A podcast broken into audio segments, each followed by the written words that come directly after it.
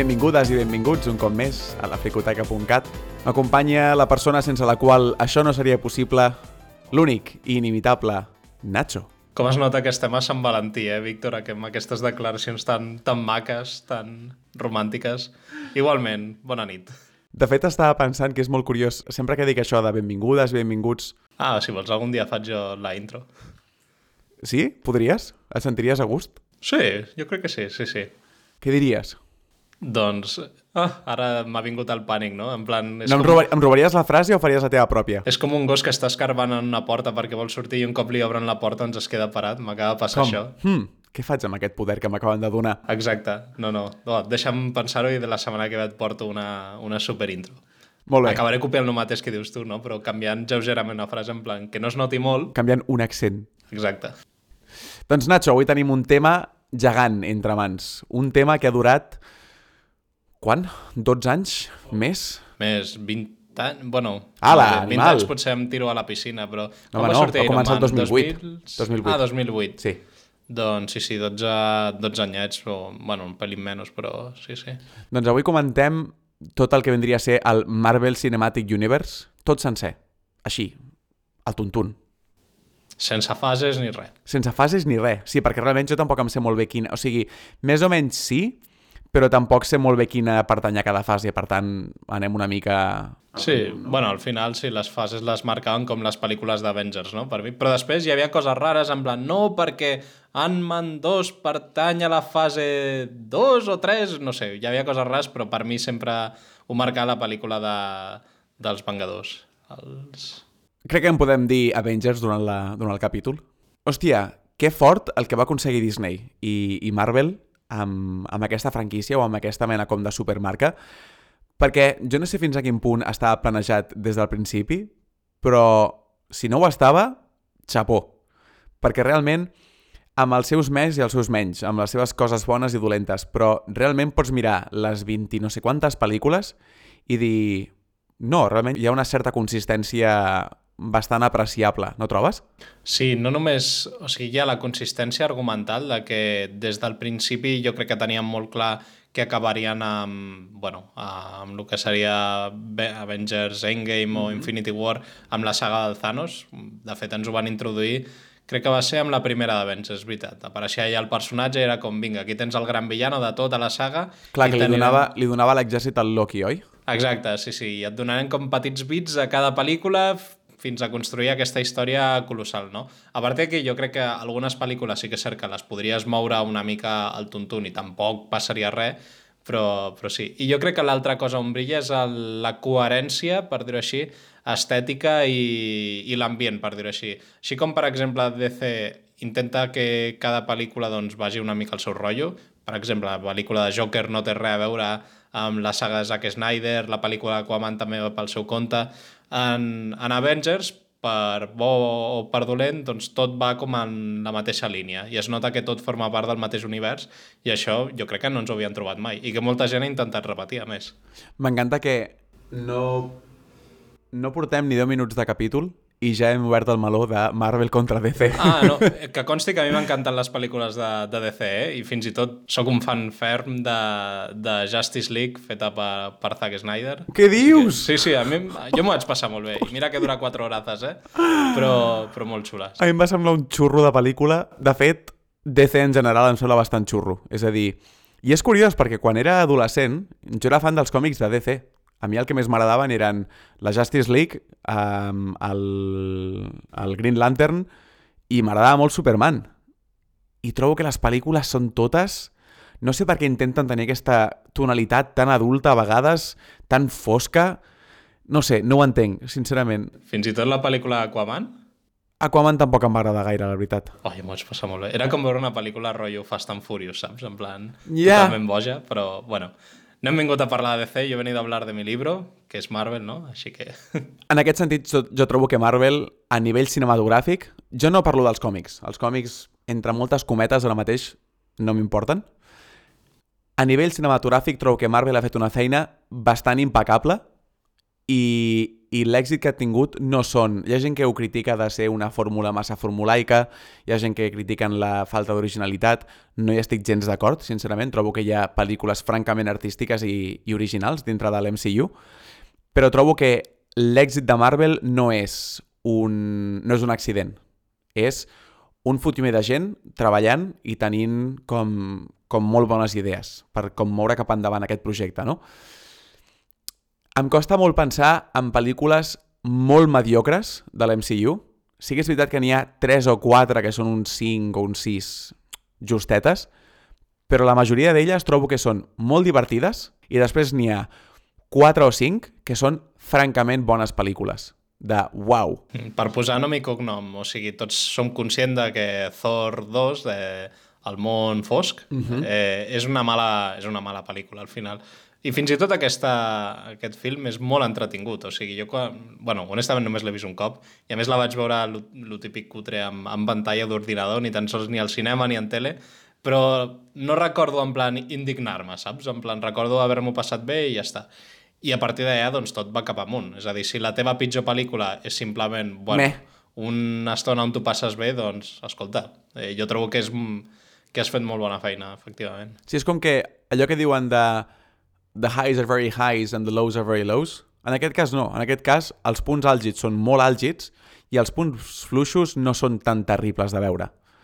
Inclús, jo que sé, igual per mi les dues pitjors serien Thor 2 i Iron Man 2, i inclús així dius, bueno, Iron Man 2 té un parell de personatges molt divertits. Com es diu? El... Sam Rockwell, eh, no sé com es diu el personatge que interpreta, però aquesta mena de multimilionari que intenta ser com l'Iron Man és una passada. No sé si es mor a la pel·li, però m'encantaria que tornés a sortir en un cameo o alguna perquè és un personatge brillant. I el Mike Rourke, eh, que també fa d'un personatge rus també molt estrany, però però era, era com divertit veure'l com a villano. Sí, o sigui, fins i tot Iron Man 2, escolta, doncs m'estic donant compte que m'agrada molt. És curiós perquè em sembla, i, i no sé si estic uh, equivocat en això, eh, però em sembla que la raó per la qual Iron Man va començar a l'MCU és perquè en aquella època Spider-Man era de, era de Sony i per tant no podien començar per allà, llavors van haver de començar per, per, Peter, pa ai, per Peter Parker, per, per Tony Stark. És possible? Sí, sí, sí. És a dir, tots els personatges top de Marvel, eh, que se suposa que són Spider-Man, els, els X-Men... Els... No hi ha hagut una bona pel·lícula dels Quatre Fantàstics. Uf, clar. Clar, per això, si et dones compte del poder que té el cinema, no? que és capaç d'agafar-te un personatge hipersecundari, no? per exemple, l'Ant-Man mateix, que o sigui, és una pel·lícula que jo els còmics sí que els, els tenia una mica sobre la pista des de fa anys, no? però era un personatge que mai em pensava que acabaria tenint una, una pròpia pel·lícula, i sí, sí. O bueno, Black Widow, no? que es pensava no? que faria una pel·lícula sobre eh, la viuda negra. Clar, al final es fusiona personatge amb actriu o personatge amb actor i el carisma de la persona es fusiona amb la idea del personatge, no? És a dir, Deies que Iron Man no existia, entre cometes, abans de la pel·lícula. No, no, no existia abans de Robert Downey Jr., que és la persona per la qual és tan popular el personatge, no? Perquè té aquest carisma, aquesta, no sé, aquest caràcter sexidèlic, que diria l'Iñaki, que li dona aquesta dimensió extra, trobo. Sí, sí, de fet, m'estic donant compte, el càsting en general de totes les pel·lis de Marvel és com molt donar la diana constantment, és a dir, tens un personatge, tires la diana, pam, encertes, i un altre cop, i un altre cop, i un altre cop. Realment no se m'acut cap personatge a Marvel que digui ah, ostres, quin càsting més estrany, podria haver pensat en un altre, no? Tots són com molt, no sé, en el que, en el que toca. També mirant una mica les imatges dels còmics i tal, i potser la idea que tinc d'aquests personatges ho trobo com, per exemple, jo Doctor Estranyo no, honestament no m'he llegit cap còmic seu, no? però, ostres, veig el càsting de Benedict Cumberbatch, com està retratat, no? que deu ser entre la seva cara i, i com està vestit, doncs és que és clavat als còmics, no? I dius, ah, que xulo, no sé. I també la manera d'actuar, suposo. Jo no sé fins a quin punt són fidels als còmics, perquè també hi ha hagut moltes versions dels personatges, i és molt difícil, però com a mínim, els que ho fan sempre fan la sensació d'estar-s'ho passant molt bé interpretant el personatge no sé, i això trobo que igual és una de les grans claus de l'èxit, el fet que tu veus aquella persona i dius sí, sí, és que em crec que ets la Capitana Marvel, o que ets el Nick Fury, o que ets el Spider-Man, o jo que sé, qui sigui, no? En aquest sentit, trobo que està molt ben trobat tot i possiblement si haguessin anat per altres... Jo que sé, perquè el Capità Amèrica havia estat la torxa humana als Quatre Fantàstics. Allà va passar sense pena ni glòria, però com a... no sé què, Rogers, com es diu? Steve, Steve Rogers, gràcies. Com a Steve Rogers, la clava molt. I a Capità Amèrica és un altre personatge que podria ser avorridíssim, tòpic, pla. I aquestes pel·lícules dius, hòstia, em crec el teu conflicte, em crec la teva motivació amb el Bucky i tot això, trobo que està molt ben trobat, sí, sí.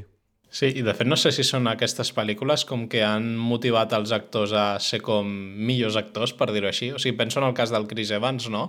Abans de, de ser Capità Amèrica, pues, s'estava dedicant a fer pel·lícules així romanticones, no? No sé si surt a, em sona el diari de Noah, però no, aquest no. és el Ryan Gosling, no? Bueno, no sé, era com molt d'aquest estil, no? En plan, bueno, va tirant i tal, ara potser hi haurà algú que em dirà, no, per què va fer aquella pel·li? Bueno, no sé, no l'he vista. Però no sé, el tenia encasiat aquí. I, ostres, ja, a partir de que entra doncs, en l'univers de Marvel, el tio doncs, s'ha doncs, començat a, a fer els seus pinitos no? en, altra, en altres sèries i, i pel·lícules, o sigui que això està guai, no? Com, són com una mena de catalitzador perquè l'actor doncs, surti i, i mostri el que és capaç. El mateix amb Robert Downey Jr., el tio estava en les drogues i estava una mica doncs, eh, pels terres. I a partir d'Iron Man, doncs, és com l'actor millor pagat de la... Crec que ara... Bueno, no sé si hi ha algun que l'ha superat, no? Però està com allà, allà. Per tu, el fet que les pel·lícules es vagin entrellaçant entre elles és una virtut o és una, una cosa dolenta, una cosa negativa? Jo crec que és una virtut, però té un risc que s'ha començat a mostrar potser en aquestes últimes fases, que és com la mena d'obligació que a vegades tenim de veure una pel·lícula perquè està connectada dintre del, del gran univers de Marvel i tot això, no? A vegades sembla que veiem les pel·lícules només per veure que hi ha el postcrèdits, no? Eh, o almenys jo tingut la sensació amb algunes pel·lícules que realment no tenia moltes ganes de veure, però que no és que m'hagi sentit obligat, no? però és en plan, bueno, ostres, és que si no la veig potser em perdré alguna important de, de lo que ve en el futur, no? Eh, a la pràctica jo crec que de moment no ha sigut així, és a dir, les pel·lis que entre cometes considero més random, pues, les he vist per gust i, i m'ho he passat bé. I, i fins i tot aquelles que m'ha fet molta mandra i que no volia veure, pues, al final pues, les he deixat passar i, i no segueixo aquí en, en peu, o sigui que no passa res. Jo crec que no ens hem d'oblidar que la sensació de veure-ho tot no deixa de ser com una mena com d'il·lusió. Perquè tu podries mirar perfectament, crec, eh? Podries mirar perfectament Infinity War i Endgame sense haver vist cap pel·lícula abans i diries, m'ho he passat molt bé. O sigui, el màxim que et pots perdre és algun matís d'un personatge, alguna coseta per aquí per allà, però trobo que no és cap drama. Jo, per exemple, no he vist Ant-Man 2, no he vist Viuda Negra, encara no he vist Eternals, i ja les veuré, si és que les veig. Per exemple, Eternals tinc moltes ganes, perquè la directora em va semblar que feia una feina increïble amb Nomadland, i he llegit coses molt positives i coses molt negatives. I és el que passa una mica amb aquest tipus de crítiques, que la gent que la posa molt malament és la gent que també critica molt, per exemple, de la Jedi, la gent critica molt també Capitana Marvel, que són gent amb la que tinc una disparitat tan forta a nivell ideològic que moltes vegades penso que puc, em pot agradar encara que, que a ells no, no els hagi agradat, no? Per tant, jo crec que Eternas ja farà una, una oportunitat, perquè més trobo que és com part de la nova fase, però a mi, per exemple, que estiguin així com, com entrellaçades entre elles, m'agrada perquè trobo que ha fet aquesta sensació com de, com de xarxa, no? Però alhora em molesta una mica que un personatge no pugui tenir la seva pel·lícula sense tenir una mica el que dèiem amb Star Wars i les sèries, no? Deixa que el personatge tingui la seva història i oblida't de tants cameos perquè al final sembla un festival d'aparicions. I a vegades em molesta una mica, perquè, per exemple, a vegades funciona molt bé, com pot ser Thor Ragnarok, que em sembla que el Hulk i el Thor junts, doncs que compaginen molt bé, però a vegades penso, cal que el Thor estigui a la pel·lícula nova dels Guardians de la Galàxia amb els Guardians de la Galàxia? Que igual estarà molt guai, perquè a més Chris Hemsworth hem vist que és, quan és millor és quan fa comèdia, no? Però no sé, a vegades m'agradaria més una pel·lícula de Spider-Man, una pel·lícula de mm, la Capitana Marvel, una pel·lícula de... Saps? Tinc males notícies per tu, Víctor. bueno, almenys és una teoria que tinc jo. Amb l'èxit que ha tingut No Way Home, sense fer spoilers, em fa molta por que amb el que ha recaudat i les bones crítiques que ha tingut, Marvel ara digui en plan, a partir d'ara tot és una festa de cameos. És a dir, vinga, eh, tirem les portes avall, deixem aquí passar tothom i que això, vinga, aquí pau i després glòria, no? Eh, estic molt espantat per com poden ser les següents fases i que totes les pel·lícules siguin una mena d'amics de personatges a, a tot i plen, no?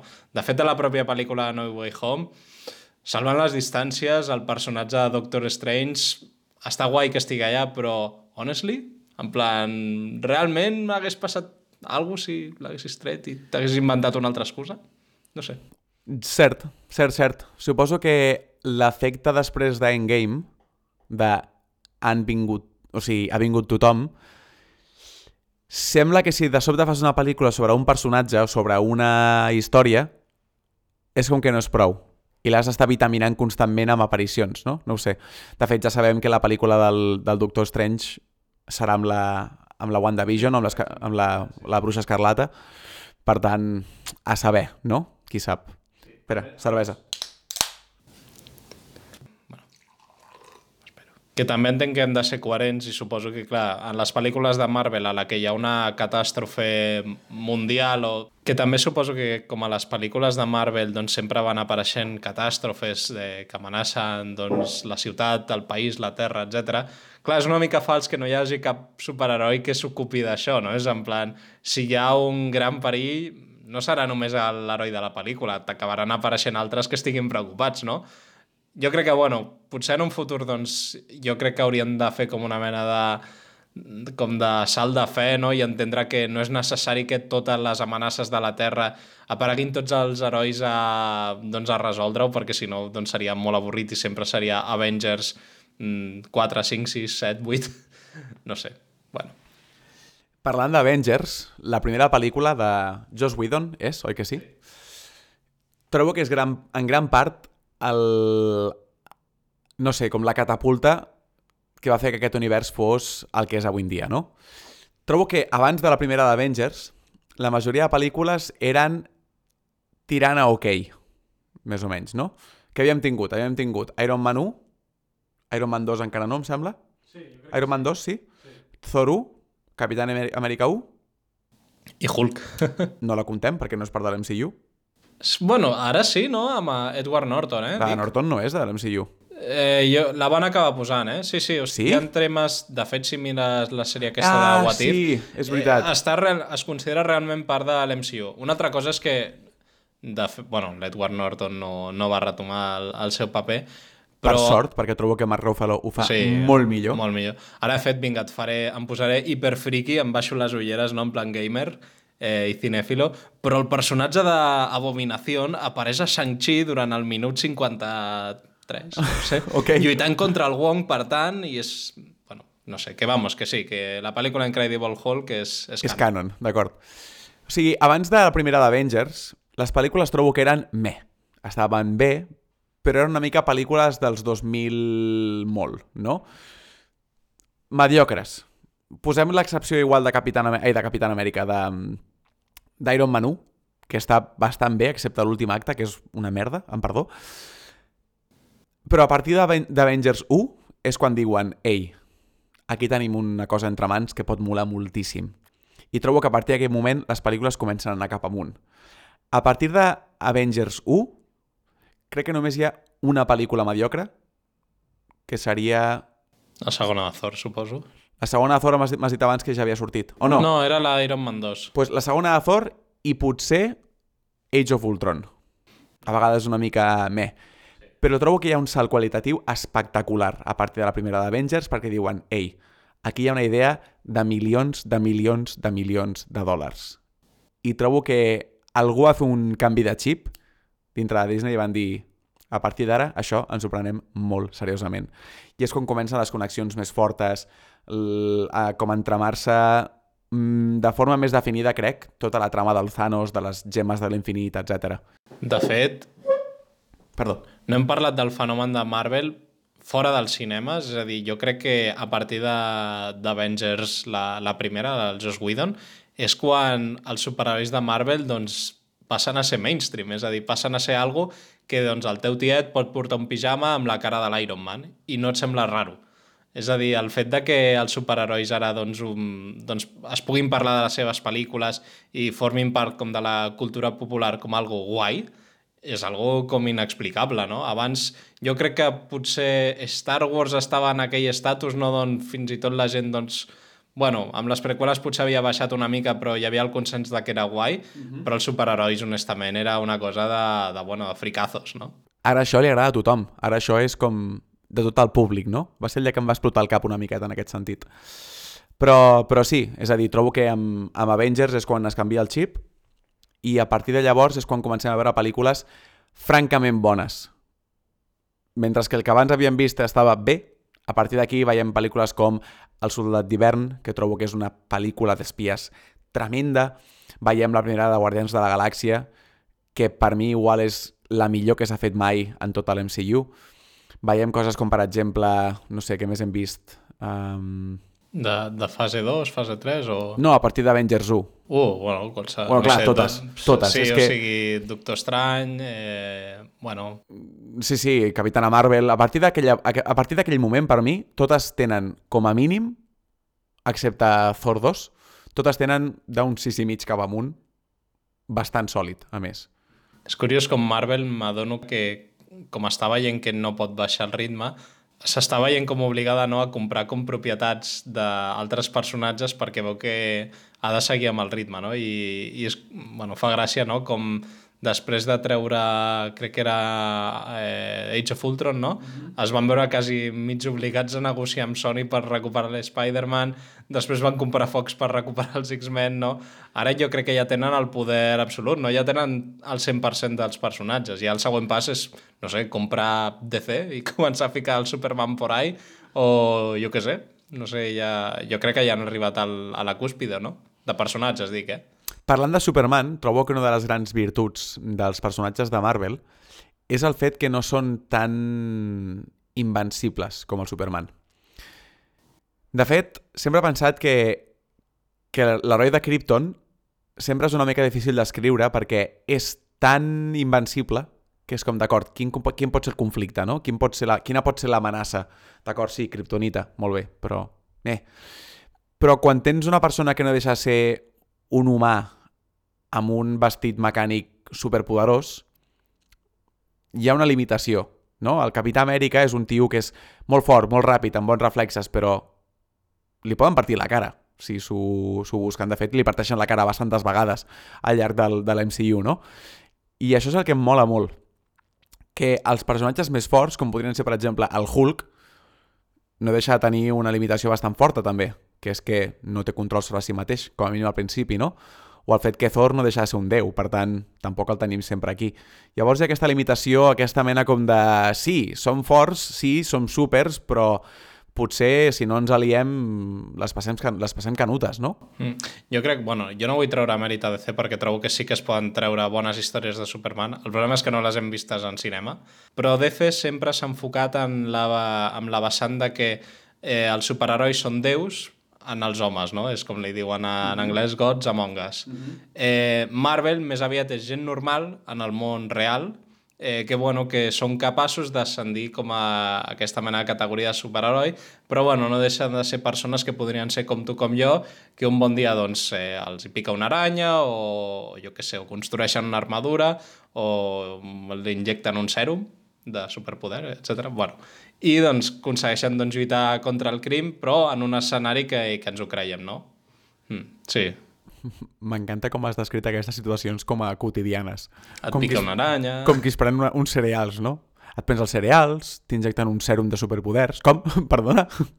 Que m'he perdut jo de la vida real. Bueno, si et pares a parar... Hi ha alguns superherois que realment, ara no recordo com arriben fins allà, però que en general el camí... O sigui, bueno, que podríem dir que són bastant random, no? Estic pensant en l'Ant-Man, no sé com aconsegueix el, el vestit, però és com molt estàndard, no?, com a, com a sí, tio. Sí, sí. No té cap mena com de, ah, no, és que prèviament l'Ant-Man era un supergeni, no sé què, i honestament no, ara no recordo més personatges, o bueno, mira, el Doctor Strange també és un, bueno, vale, se suposa que és un supercirurgià i tal, però no deixa de ser un tio normal, no?, entre cometes.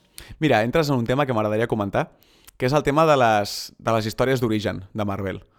possiblement una de les grans limitacions dels seus personatges és el fet que sembla que quan fas la primera pel·lícula has d'explicar-me com aquesta persona arriba a ser la persona amb poders. Mm -hmm. I això em fa molta mandra. I, de fet, per això agraeixo tantíssim la primera pel·lícula del, del Tom Holland com a Spider-Man, Sí, sí. perquè ja no m'ho has d'explicar. Que d'acord, fas una mica de trampes perquè me l'havies ensenyat a la pel·lícula Civil War, però és igual, perquè ja tenia poders, no? I m'encanta quan ja poden explicar-te la història i vinga, cap endavant, perquè és veritat que després el, la trilogia de Tom Holland no deixa de ser un Origins de Spider-Man. I a la última, la tercera, és quan ell comença a ser l'Spider-Man per si sol. Però, des del principi es treu com aquest pes de sobre i ja... Salut, fill. Sí. I ja és Spider-Man al principi de la pel·lícula. En canvi, a Iron Man hem de veure com aconsegueix el vestit. A Capitana Marvel hem de veure com aconsegueix l'estatus de Capitana Marvel. A Capitana Amèrica hem de veure com li donen el sèrum. I a mi això em fa mandra, què vols que et digui? Perquè requereix de molta part de pel·lícula i si et traguessis això de sobre podries explicar-me la història directament, com pot ser, per exemple, amb Thor 3, amb Iron Man 3, amb Capitán Amèrica 2, etc. No sé. Jo crec que de, depèn també de com fas la història d'origen. Jo, per exemple, amb Iron Man ho, ho vaig gaudir molt. És a dir, és una pel·lícula que, que honestament m'agrada i m'agrada veure els seus orígens i com passa doncs, aquella temporada a la cova i tot això. Crec que és molt xulo. Doctor Strange també la vaig veure fa poc. És una història superconvencional d'orígens i m'ho estava passant bomba. O sigui, jo crec que es depèn de com el tractis, el personatge, al final. Però fixa't una cosa. Tant en el cas d'Iron Man com de Capità Amèrica, que són com els, els grans flagships no? de, de l'MCU, la primera pel·lícula de tots dos, els primers dos terços de pel·lícula són superguais, perquè són dramàtics, són tensos, hi ha pauses, eh, no, tenen, no tenen cap mena de por en, en explicar-te un drama. Què passa en el tercer acte de les dues pel·lícules? Com la pel·lícula porta dues hores sent avorrida, hem de posar 30 minuts d'acció superidiota per tal que la pel·lícula no, no acabi de caure en el, en el suport màxim, no? I això és un problema com una casa. És un problema potser per part de la fórmula de Marvel o és un problema per part de no ens atrevim a fer pel·lícules més a poc a poc. Perquè si t'atreveixes a fer això, no em poses el paio calvo del final d'Iron Man 2, Iron Man 1, perdona, amb l'Iron Man gegant matant a gent que dius, però què fas? Mm. És a dir, al final la pel·lícula es torna idiota de mala manera. I això no passaria, potser, si no fos perquè m'has hagut d'explicar tota aquesta història lenta al principi, que és una mica el que passa amb Scarlet Vision, no, perdona, amb WandaVision i... Bueno, WandaVision, sí, la sèrie. Que em sembla que al principi de la sèrie és un plantejament brillant, de fet, igual el millor de tot MCU. Què passa? Que has estat tan experimental i has jugat tant amb les emocions i amb coses adultes que al final has de fer una batalla tonta. És una pena, però l'MCU moltes vegades jo crec que on, on es desinfla més és amb el tema de, dels villanos, de, dels enemics. En moltes ocasions ens trobem això, una pel·lícula que, que t'ha enganxat, t'agrada i tot això, i t'han de posar el villano genèric de, de turno, no? que, bueno, que al final no deixa de ser com un clon de, de l'heroi, però mig dopat, perquè honestament és que estava pensant i el 80% de les pel·lícules sol ser el mateix, és a dir, el mateix poder que l'heroi, però una mica superior, no? Una mica com si miressis un anime, un shonen. Exacte, i, i bueno, és com... En sèrio, calia? No podies buscar un, un villano, no?, que, que tingués com una altra mena de, de mentalitat. No sé, a la gent li encanta Batman perquè al final Batman i Joker són com totalment eh, anti... oposats. oposats, no?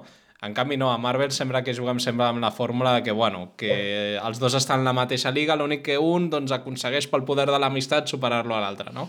De fet, jo crec que un dels eh, confrontaments més divertits que té la saga de Marvel és potser la de Guàrdies de la Galàxia, perquè són una mena d'antítesis total entre el Ronan, que és com el típic villano genèric en plan de Power Rangers, i el Star-Lord, que potser per això doncs, es fa tan graciós, no? I m'agradaria veure com més d'això, no? Veure com bueno, una mica de contrast no? entre l'heroi i l'antagonista. Crec que descriure Ronan com a un dolent de Power Rangers és un dels millors símils que has fet des que hem començat el programa. És que ho és, no? Bueno, total, total, total. Sí, sí, sí, o sigui, és que me l'imagino més convertint-se en gegant al final de l'episodi.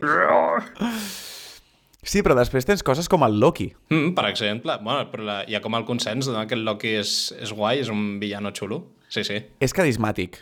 Mm -hmm. No és gens... No és gens pla perquè realment té el seu creixement, té la seva, les seves cosetes. I, i bueno, a mi amb, amb Raó li han donat una sèrie sencera, no? Però sí que és raó que, de fet, tenir un Loki fa que la resta de dolents siguin especialment mediocres, perquè és com... Però si tens aquí mateix la fórmula del que funciona, algú amb, amb motivacions reals, no ho sé. Però, però sí, no ho sé. En aquest sentit, em fa una mica de pena la idea de hem d'explicar la història d'inici. Especialment perquè ara ja tenim menys paciència per aquestes coses.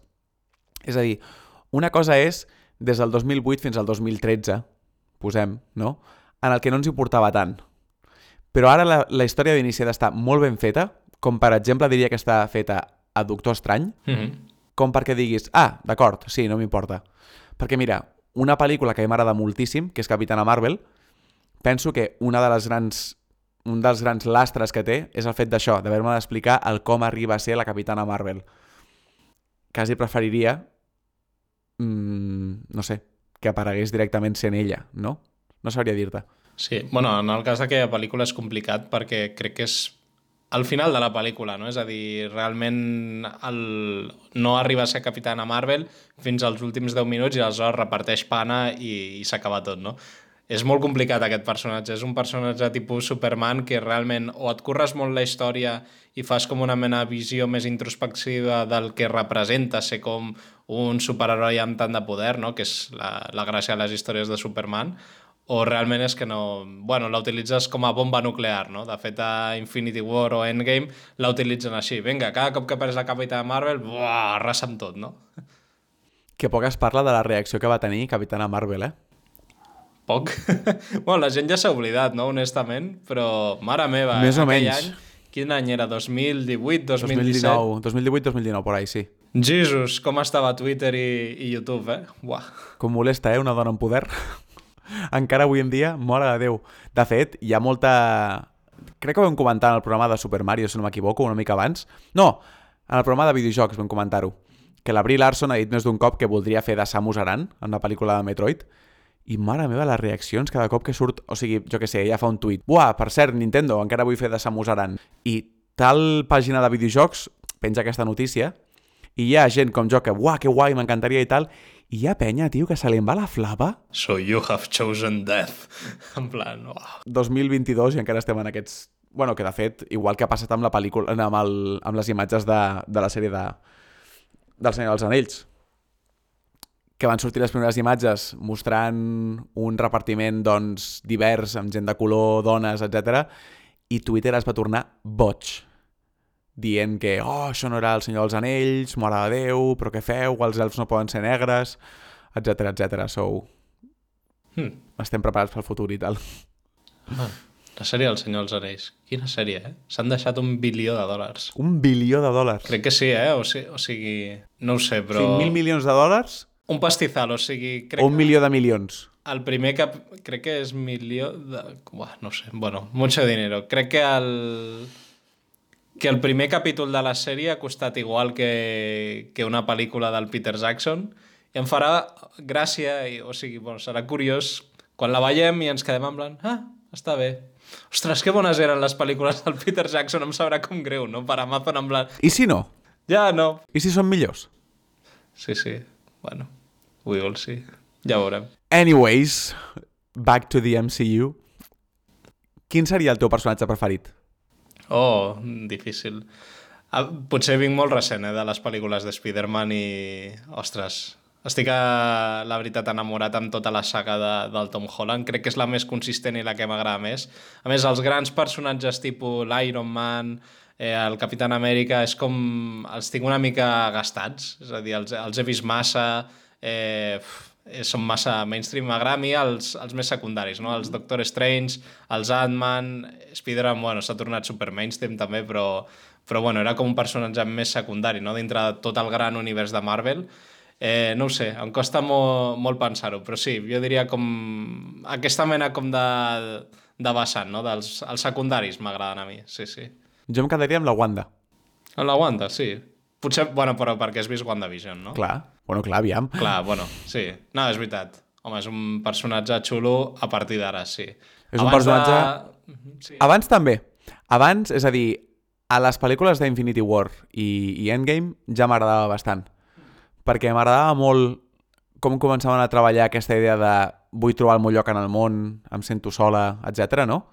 No deixa, no deixa de ser la, la persona que, que catalitza tot el tema de Civil War i tal, i m'ha agradat moltíssim com l'han treballat en la sèrie de, de WandaVision. És com, buah, que guai. I per això em va fer tanta pena al final de la sèrie, perquè m'estava encantant que la sèrie fos, per dir una manera, com la teràpia de la Wanda. I com ella, doncs, porta el seu dol i tal. Però sí, WandaVision seria el meu personatge preferit de l'MCU, sense comptar que Spider-Man és... Ja saps, Està guai, eh? que el tinc aquí. Sí, sí. Bueno, i bueno, no he parlat de Loki. Jo després de, la, de veure la sèrie, buah, m'ha semblat una passada.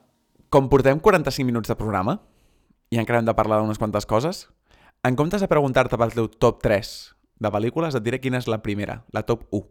Mm. Amb quina et quedes? Una. Sense comptar Endgame, sense comptar Infinity War, que per mi seria com la millor de totes. Amb quina et quedaries? Vale, clar, és que és el que t'anava a dir. Infinity War buah, eh, és una passada, és com la cúspide... És curiós, hem parlat molt poc no, d'aquesta pel·lícula i per mi és com de les, de les que estan Però més és que amunt. Infinity War es mereix un dia que fem un programa sencer. Sí, crec. sí, sí, vinga, ja, ja ho farem un altre dia. Eh, uf, em costa molt decidir-me entre les pel·lícules de Tom Holland. Far From Home m'ho vaig passar bomba. Far From From. Eh, però Guardianes de la Galàxia, la primera, ostres, és que estava molt bé. Hòstia, doncs estarem d'acord, eh, si dius aquesta? Eh, sí, sí. Bueno, jo abans t'he comentat, abans de començar el programa, no? que tenia pensat parlar d'Iron Man, eh, la primera, no? Trobo que com a començament de pel·lícula està molt bé. Guardians de la Galàxia és molt completa, és a dir, és com tot el que volia d'aquesta pel·lícula, doncs ho tinc allà. Però bueno, vull fer una menció especial. No, no sé si serà la primera, però és la pel·lícula que ha sigut com més gratificant de veure, en plan, expectatives amb les que he entrat al cinema i resultat final ha sigut apoteòsic, és a dir, nivell Mad Max per mi, és Thor Ragnarok. O sigui, potser serà... No, no sé, és com per la gent no és de les més conegudes, però el que m'he rigut amb aquesta pel·lícula, amb aquesta mena d'humor Taika Waititi, d'humor random deadpan humor, que li diuen en plan com situacions, doncs, bueno, que no, no t'esperes, Buah, em va riure molt. M'ho vaig passar molt bé, o sigui... No, va, sí, em, em planto i dic que Thor Ragnarok jo crec que és l'experiència cinematogràfica de Marvel que més he gaudit, sí. Quin raonament, eh? No he parat de parlar. És molt difícil fer un, un top 1, perquè tenim pel·lícules com eh, No Way Home, Thor Ragnarok, Guardians de la Galàxia 1, El Soldat d'hivern, que també és una molt bona pel·lícula. Però, però sí que és cert que Thor Ragnarok és una autèntica passada. Jo no la posaria al top 1 per una raó molt senzilla, que és que tota la part que passa a Asgard trobo que és més aviat fluixa. I em fa molt de pena dir això, perquè no vulguis, vulguis que no, el que passa a Asgard és el que passa amb la... com es diu? La Galadriel. La Hela. Eh, bueno, Sí. és la Kate Blanchett. La Kate Blanchett, exacte, que trobo que està super desaprofitada perquè un altre cop tenim una dolenta super genèrica que dius, em sobra la teva part de la pel·lícula. D'acord, entenc que hem de perdre Asgard per moure la pel·lícula cap endavant, però és molt més interessant tot el que passa entre Loki, Thor i Hulk. Trobo que allà és on està la pel·lícula, de veritat. Ara bé, al final de la pel·lícula, Hulk fotent-se d'hòsties amb Fenrir, és un festival, la pel·lícula és divertida i tal. Tot i així, jo no faré trampes i deixaré Spider-Man de banda, perquè vam fer un programa sencer Mm. i és una meravella. Em quedo amb Guardians de la Galàxia 1, perquè és molt guai. És a dir, la combinació entre cultura popular, personatges carismàtics i, i adorables, pel·lícula d'aventura espacial molt ben trobada en general, no sé, és molt rodona, molt fàcil de tornar a mirar a veure um, i, i fa, molt, fa molt feliç, trobo. És molt bona pel·lícula. Ai, sí, sí. I com a petit follow-up al programa que vam fer de Spider-Man, què? No Way Home. No Way Home em va agradar molt, però Amb spoilers, amb spoilers. Sí? Vinga, sí, sí. va, vinga, vinga. Uah, em va agradar molt, el que passa és que potser estava massa preparat per aquesta pel·lícula, en el sentit de que m'ho vaig passar bomba, però quin mal fa internet, eh? el sentit de que les grans sorpreses de les pel·lícules una mica com que me les esperava i eh, tenia la sensació d'anar fent una mica checklist no?, del que veia. Eh, evidentment, els personatges estan super ben construïts i m'agrada molt veure l'evolució de Tom Holland i que sigui una pel·lícula de, de Tom Holland, uh -huh. al final. Però bueno, no la posaria com a l'altura de la millor pel·lícula de Marvel, no? Potser perquè també m'espanta molt pel camí que pot seguir Marvel, que, que és el que hem parlat abans, no? que ara es motivin i es dediquin a fer cameos sense parar, no? És molt bona pel·li, però bueno, no sé si té com aquesta mena de, de capacitat de, de repetir-la més sovint, no? com d'altres pel·lícules que aguanten molt bé per si soles. No sé, tu què en penses? No tinc paraules, em va semblar increïble. Perquè Spider-Man és increïble, les pel·lícules de Tom Holland són brutals i aquesta tercera pel·lícula em va semblar una meravella. Em va semblar un festival, em va semblar una bona pel·lícula, em va semblar una pel·lícula que és capaç de fer referències i fanservice d'una manera magistral, emotiva... No sé, em va semblar un autèntic espectacle cinematogràfic i em sembla una vergonya que no estigui ni nominada a l'Oscar de millor pel·lícula. Ha estat la pel·lícula més rellevant dels últims 3 anys, amb diferència. Ha estat la pel·lícula que ha revifat la, la taquilla i que ha fet que la gent torni al cinema. Què estem fent? Què estem fent que aquesta pel·lícula no té ni tan sols una nominació entre les 10 nominades? Com? Ja. Potser és que jo al veure les nominacions dels Òscar vaig obrir la llista vaig dir ah, vale, està Dune. Vale, ja està. No fa falta. Per, no què, falta Dune, per què Dune sí i Spider-Man no? Algú m'ho pot explicar? Perquè són pel·lícules de superherois. Punto. Ja, bueno, i perquè hem parlat moltes vegades que al final el, els votants dels Oscars i tot això doncs, són gent blanca de 80 anys, etc etc. Sí, mai... Gent pretensiosa de 80 anys, sí. Martin Scorsese, t'estem mirant els ulls ara mateix. Exacte. Do, doncs bueno, sí, ja, ja sabem que el públic vell de Hollywood eh, no els agrada aquest tipus de pel·lícules, allà ells. O sigui, ells ho perden, no sé què dir-te, en plan s'estan quedant una mica desfassats del Sí, sí, temps tota- per totalment. intentar negar tot el que és nou i jove. Jo no dic que aquest sigui el camí que hem de seguir, que totes les pel·lícules han de ser pel·lícules de Marvel, No, està clar que però, però bueno, escolta, que poden existir no, no passa res, no? A veure, sí, és, és curiós que, bueno, també hem de dir que amb, la, amb el que ha sigut Marvel, moltes altres companyies intenten copiar el mateix i, i honestament es carreguen sagues, Uh -huh. i això fa llàstima, per exemple, amb Matrix, doncs a mi em va fer molta pena el que han fet amb l'última pel·lícula, i aquesta mena d'obsessió que moltes vegades hi ha d'intentar fer universos, també és divertit veure com fracassen, no? Bueno, divertit no, però... No sé, en fi, no, em podria estar allargant molt amb això, però... Doncs a mi, aquesta última de Spider-Man, una cosa que em va agradar moltíssim és el fet de com uneix el fandom. El fandom de Spider-Man havia estat bastant, bastant negatiu i bastant tòxic. Rotllo, no, Tobey Maguire, no, aquest, no, l'altre. I veure'ls els tres junts, dient-se coses cookies entre ells i dient-se que s'estimen i dient-se que, que són vàlids, no? I com animant-se entre ells em va semblar molt guai. Jo ja us vaig dir que no sóc fan de Tobey Maguire i no m'agraden les seves pel·lícules, però en aquesta pel·lícula m'ha agradat molt ell, perquè em va semblar que feia de, com de sensei de forma molt creïble. Em va semblar que el moment en què l'Amazing Spider-Man salva a la Mary Jane va ser espectacular, com molt, molt ben trobada la redempció emocional per aquest personatge, no? I, hòstia, aquest cop sí que l'he pogut salvar, i el veus com està plorant, i la MJ com, estàs bé, tio? Com, què et passa, saps? Em va semblar una pel·lícula molt maca, ja dic, em va semblar increïble la, la idea de tenir a la tieta, a la, a la tieta May, fent la, la gran frase de la, del, de l'oncle Ben, no? I, I això em va semblar un, un gran, gran, gran exercici de cinema, i això, per això dic que em fa tanta ràbia el tema de la nominació, i em fa tanta ràbia declaracions de gent com, per exemple, Scorsese, no? De què vas? És a dir, jo és que el que veig quan, quan Scorsese fa aquestes declaracions, el veig enrabiat.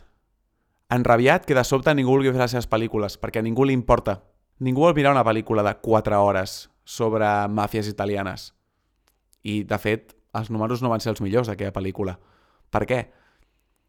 No et sabria dir per què, però jo quan veig a Scorsese dient que els, les pel·lícules de súpers no són pel·lícules o no són cinema, veig un, un nen petit al que li ha la seva joguina i, i que no és capaç d'acceptar els canvis dels temps. No sé, no sé com ho veus tu, però... Hmm. A veure, a mi em sap greu, eh? perquè trobo que és una pena que com que al final el públic mig no és capaç de veure moltes pel·lícules a l'any. És a dir, nosaltres perquè som uns fricazos i veiem tot el que se'ns posi a la cara, no? Però honestament, la persona estàndard, doncs què? Mirarà una pel·lícula al mes o una pel·lícula cada dos mesos, no estarà allà constantment. I al final el que passa és que entre totes aquestes pel·lícules que veurà durant l'any doncs prioritzarà Marvel perquè és divertit, és entretingut, m'ho passo bé i tal, i potser no li dedicarà atenció a pel·lícules doncs, que, escolta, et facin doncs, eh, donar-li més al cogo, que siguin més artístiques, més experimentals. Jo crec que per això hi ha com aquesta mena d'odi cap a Marvel perquè és com que treu als espectadors de les pel·lícules més experimentals. Jo crec que aquestes pel·lícules experimentals aguantaran molt bé a les plataformes, és a dir, doncs potser en el cinema els hi costarà molt trobar el seu lloc, però escolta, en un Netflix, en un Amazon Prime, en un HBO, doncs ei, doncs teniu aquesta plataforma on podeu brillar. Jo crec que molts directors ho estan començant a entendre. No hi estic d'acord perquè hi ha hagut pel·lícules molt independents i molt experimentals que han tingut moltíssim d'èxit al cinema. Estic parlant en els últims no sé, 5 anys que hem tingut Call Me By Your Name, hem tingut... Home, però èxit al cinema, sí. Oh, i tant, sí, sí. Va ser un hem tingut bombazo en taquilla. Lady Bird, hem però tingut... Tampoc, home, Víctor, Lady Bird... Però estic parlant de tenir, tenir bon èxit. L'irlandès ha sigut un fluix com una casa. T'estic parlant de pel·lícules que la gent va a veure al cinema. I aquestes pel·lícules les ha vist la gent al cinema. Sí? Doncs pues no conec a ningú que hagi... Nomadland va tenir èxit al cinema la pel·lícula d'ara de Licorice Pizza està tenint èxit al cinema. Són pel·lícules que la gent va a veure. Encara hi ha interès per pel·lícules més intimistes, més experimentals, més personals. Les pel·lícules d'Scorsese, ho sento molt, amb els anys han tornat un bodrio. Home, no. Jo considero que sí, perdona que et digui. És a dir, l'última pel·lícula seva que em va més o menys agradar va ser uh, la de la invenció de Hugo. Perquè des de llavors hem tingut uh, Silence, que em va semblar un penyazo com una casa hem tingut l'irlandès, que no, no, a mi no m'agrada gens. Jo vaig aguantar com 40 minuts de pel·lícula i vaig pensar, tio, que pesat que ets. Ja has explicat aquesta història, ja m'has dit això abans. És a dir, veig com una mena com de, de, de persona intentant recuperar allò que el va fer gran, la indústria no és la mateixa, espavila, saps? És a dir, no crec que sigui un tema d'experimentals i que no hi hagi lloc per elles. És un tema de... Ja no busquem històries de quatre homes fent d'homes supermasculins. Ja no és això ja no són els 80. No sé. Bueno, ja, no sé, és que, bueno, hi ha algunes pel·lícules d'Scorsese que a mi sí que van... Res, estava pensant el títol del programa, no?, que podria ser MCU i el nostre hate cap a Scorsese, però hate és un, amb el número 8, que sí queda més, més gamer, més... Bueno, Sí, sí no que... sé. Bueno, jo a Scorsese al final, honestament, sí, li tinc més apreci a les pel·lícules antigues. Eh, crec que és un comentari de, de, bueno, de boomer, al final, i bueno, sí, és com altres directors. Christopher Nolan també és com super hater amb totes les pel·lícules aquestes, i m'agrada com a director i al final és en plan, bueno, pues tu veuràs, no sé. Jo penso que al final tot el que sigui atacar contra l'art d'algú, bueno, sí, Però la fixa't gent... qui són, eh? Nolan, Scorsese, um, Tarantino. Tarantino li agrada Marvel? Ah, pues no, sé si, que... no, no, no sé si agrada Marvel, però sí que són persones molt crítiques amb què és cinema, què vol dir fer cinema, i que, és com, que, que són com molt gatekeepers, no? Això és cinema. Sí. I no deixen de ser tres homes blancs que estan veient com la seva, la seva etapa s'està acabant i la gent ja no vol veure aquest tipus de pel·lícules. I és com... A mi em fan molta pena perquè els veig com pataleando, saps?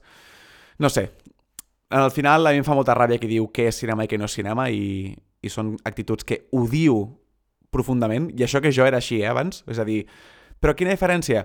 Jo era així quan tenia 22 anys. Aquesta gent en té 60, 70 i 80, saps? O sigui, espavileu i, i madureu d'una puta vegada. Bueno, és que quan arribes als 80 ja ho sento molt, eh? però no sé com estarem nosaltres als 80, eh? segurament també serem de... Jo seguiré sent progre. A veure... Doncs com a última pregunta, volia preguntar-te què t'està semblant aquesta fase 4 del, de l'MCU?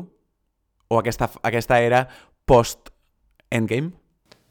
Doncs no sé, tenia, tenia moltes ganes de parlar del tema, honestament. Sí, sí, estava esperant a... Tenim temps encara, eh? O sigui, que fot-li canya. Tenia esperat a arrencar.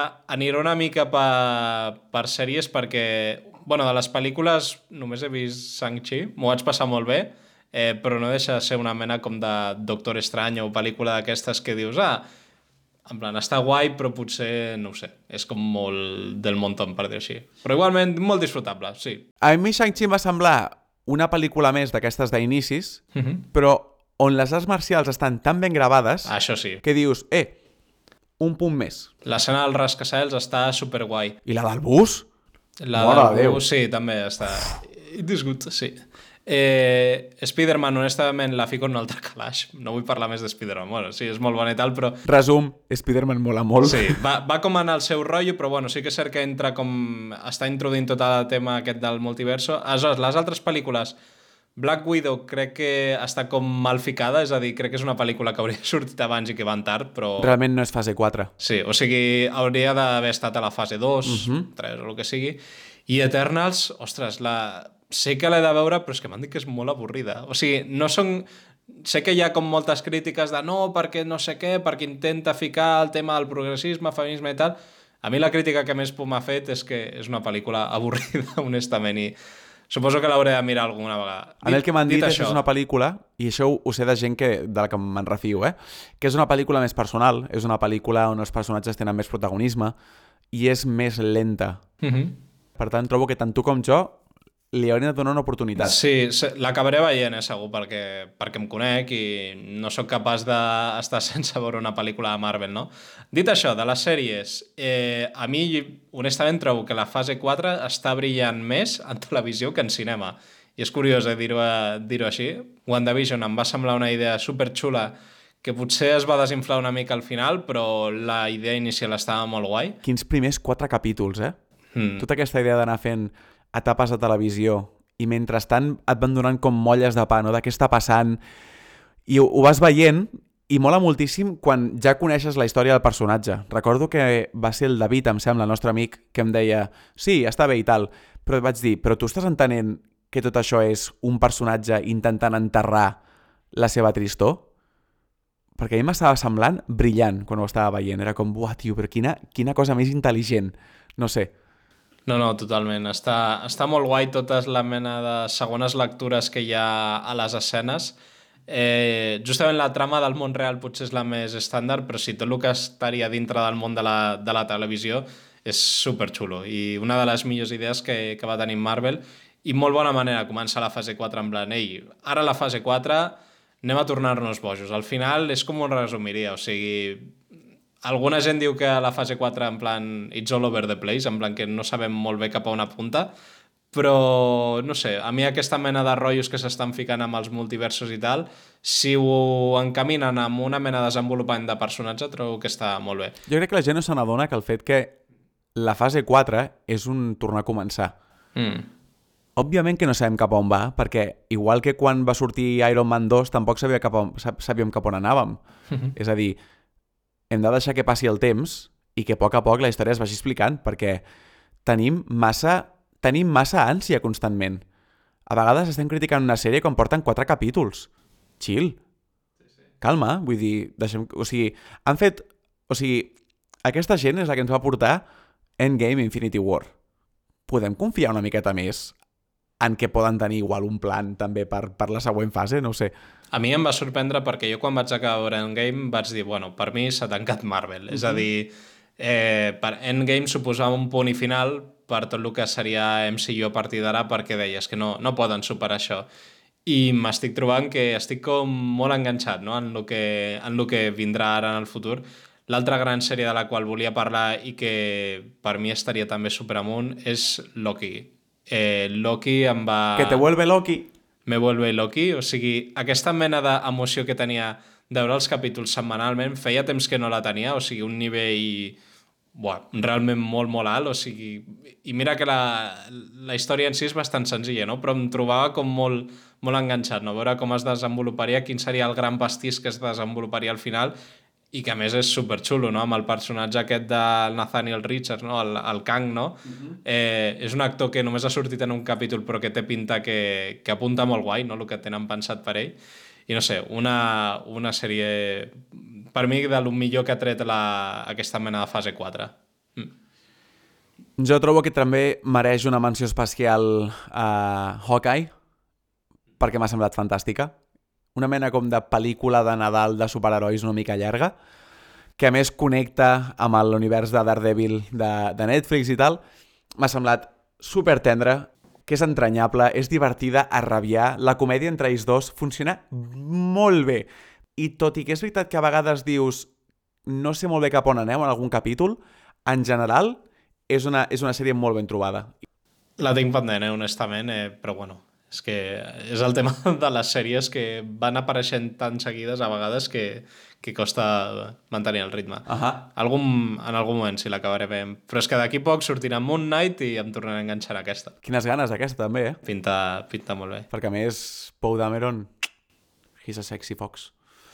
I després, per mi, la que és superoblidable és la de Winter Soldier, que no vaig poder passar del capítol 3 perquè em va semblar, francament, molt avorrida.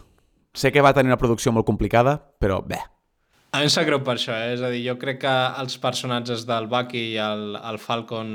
Captain Falcon, crec que com a actors en plan estan com motivats i, i ho fan molt bé i ens, bueno, hi ha un altre personatge com més secundari, no? que és com una mena de, de Capitán Amèrica uh -huh. 2, seqüela, Sí, sí, que sí. també doncs, fa un bon paper i tal, però és que aquesta sèrie es va fer durant l'època del Covid, a més, per vist la trama principal involucrava un virus que afectava la humanitat i van haver de canviar tot l'argument per complet.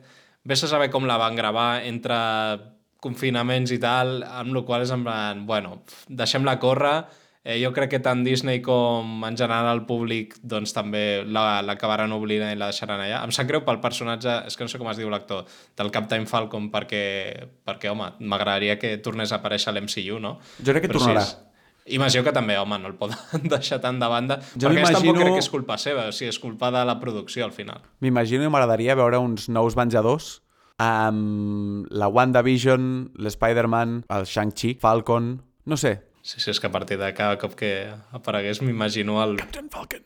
Exacte, Show your moves! de l'Smash Bros. Segur que acabaran fent una nova pel·lícula d'Avengers, enfrontant-se al Kang o al Galactus o un d'aquests, eh, perquè, bueno, jo crec que ho van deixar molt clar, eh, que Endgame era com al final de la saga principal de, dels, Dels OG. herois. De fet, a, a nivell de personatges clàssics tipus Thor i tal, hi haurà com una mena de recasting bastant juici. La Natalie Portman té molts números de que sigui com la següent Thor i suposo que... Ah, sí? Sí, sí, sí. A, a Thor Love and Thunder ja està confirmat, és coprotagonista. Ella també. Uau! Però pensava que ja renegava de Thor. Pues, pues no, no, torna a la quarta pel·lícula, ja estem. Sí, quarta. I rumor has it que probablement sigui com una mena de t'entrego al màntol. Sí, sí, el qual estaria... Perquè els còmics estan... Ara crec que estan en Lady... Bueno, bueno, suposo que fa molts anys ja han fet com el canvi i tenim també... Lady Thor queda molt cutre, no sé com... Si té un altre nom li diuen així tan, A saber. tan bàsic. Lady Thunder. I amb Iron Man el mateix, hi ha una noia que es diu Ironheart, que crec que és com la, la continuació d'Iron Man. Bueno, no sé. En definitiva, que crec que més o menys poden jugar... Sincerament, trobo que estem molt preparats per un... Molt preparats i ens fa molta falta canviar el paradigma dintre del món dels superherois i que cada cop més sigui mm, això, una mena com de... Bé, com de, de canal en el que elevar veus, en el que trobo que la indústria de l'entreteniment va cap allà i el que més m'agrada és tota la gent que està bullint per dins per això, és com... Buah, gaudeixo moltíssim veient-los patir en aquest sentit. Però, però sí, jo estic gaudint bastant de la quarta fase. M'ha agradat molt Shang-Chi, m'ha agradat moltíssim Spider-Man No Way Home, m'ha agradat molt, molt, molt WandaVision i Loki, trobo que és brutal. I tot i que hem tingut algun entrebanc, trobo que venen coses guais. I realment me'n refio moltíssim de la gent de Disney. Jo crec que tindran un bombazo d'aquí res al maig, amb Multiverse of Madness. No et vull fer spoilers del tràiler de la Super Bowl, però mamma mia. Mamma mia! O sigui, el que, el que ens veuen sobre és una pujaria, realment. Bueno, alguna cosa sí que sé, perquè va sortir l'after credits de, de No Way Home. Vale, ja, però jo era... Però no vull saber res més. Exacte. Quan és la pel·lícula? Quan surt? És al maig, sí, sí. Uf, encara queda, eh? Sí, sí. Pues té pinta que aquesta pel·lícula també en, ens tornarà tots bojos, igual que el títol.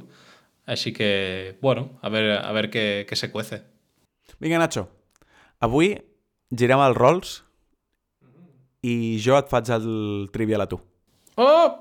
Pam, pam, pam, pam. Vale. Vinga. Ataca. Fas massa aquest soroll. El què? que fas massa aquest soroll. Ok. El de la sirena Bubuzela. Una facileta per començar. De quin barri de Nova York és el Capità Amèrica? Queens? Merda. Queens és Peter Parker. Vale, i el que ve... Brooklyn. Brooklyn. Ui, vale. què volen dir les sigles de SHIELD? Hòstia puta. Eh, secure... Eh... Buah, són masses lletres. Strategic Homeland Intervention Enforcement and Logistic Division. Menos mal que aquest era el test fàcil, eh? Donen diverses opcions en plan ABCD, si no... A veure... Quin és l'únic personatge els poders del qual superen els del Doctor Estrany? Vale, jo diria la Wanda, però no sé, o sigui, em dóna la sensació que sí, no? En el canon s'ha... Vale, vale. Correcte, la Wanda, molt bé. Uh... Tu, tu, tu, tu, tu. A què és al·lèrgica la Pepper Potts? A la mandarina. No, a les maduixes. Oh, doncs mira, mira, tan mal encaminat no anava, eh? No, realment ha estat bastant a prop. De què està fet el martell del Thor? Ah, merda. Em... No era adamantium, no? Era mm, magic eh, space stuff. Doncs sí. Sí? Ah, vale. De... de una... of a dying star. Ah, és veritat, sí, sí, sí. És veritat, el Peter Dinklage. Llença la pregunta, ara que t'has quedat amb aquesta cara. Julia Louis Dreyf... Dreyfus? Sí. Qui és aquesta dona? No és una actriu o... Sí, però- Sí? A quin personatge representa a l'MCU? És la... mm, Coi, la... M'estàs dient seriosament que saps la resposta? No, no, no, la... mm, Hi ha com la viuda negra i l'altra, la, la germana? No sé, on... ah, no, que... no sé com es diu. Contessa Valentina Alegre de Fontaine. Ah, doncs m'he equivocat. What? No, però aquesta surt a Captain, Captain Falcon, a la contessa aquesta, sí. Pot ser. Ah, sí! Al final de tot, eh? És com el cameo d'aquests. Puta idea. No sé si és cameo o no sé. Oh! Última pregunta. Vinga, vale. Quina és l'última pel·lícula en la qual Stan Lee fa un cameo? Eh, no contem les de Sony, no? Aquella que van treure d'Into the Spider-Verse crec que va ser la, la última, última. Però Spider-Verse no és de l'MCU. per això, si considerem MCU... Eh, va sortir a Far From Home? Jo diria Endgame. Endgame. El qual és, ma o sigui, maco no, perquè no, no m'agrada que l'Stanley es mori, però que sigui la seva última aparició és en plan, bueno, en plan, està com ben trobat, no? Tancament d'una saga, pues, última aparició, no? O sigui, quedaria random, en plan, l'última aparició de l'Stan Lee és a Thor 2, pues. No sé, sempre estic parlant de Thor 2, no? Pues seria com molt gratuït. sí, seria horrible, realment. Però bé, fins aquí el programa de MCU. Si us ha agradat, ja sabeu, compartiu amb la gent del vostre voltant. Espereu de tenir notícies d'aquí poc d'un programa sobre Infinity War i Endgame, perquè trobo que ho mereixen, sincerament. Van ser possiblement l'event cinematogràfic més important de tota la dècada, inclús per sobre de Star Wars, que diries, uau, que fort, però també hem de fer el de Into the Spider-Verse, que aquest caurà d'aquí poc. I, I res, això, si us ha agradat, ja sabeu, compartiu amb la gent del vostre voltant. No amb Martin Scorsese, ahir no li compartiu. No, T'imagines, ara flot de tuits a Martin Scorsese d'aquest programa de Wikipedia en català, el tio en plan, què, què, què? Què està passant? doncs res, jo he estat el Víctor Jo el Nacho. i això ha estat la fricoteca.cat. A reveure! Adeu!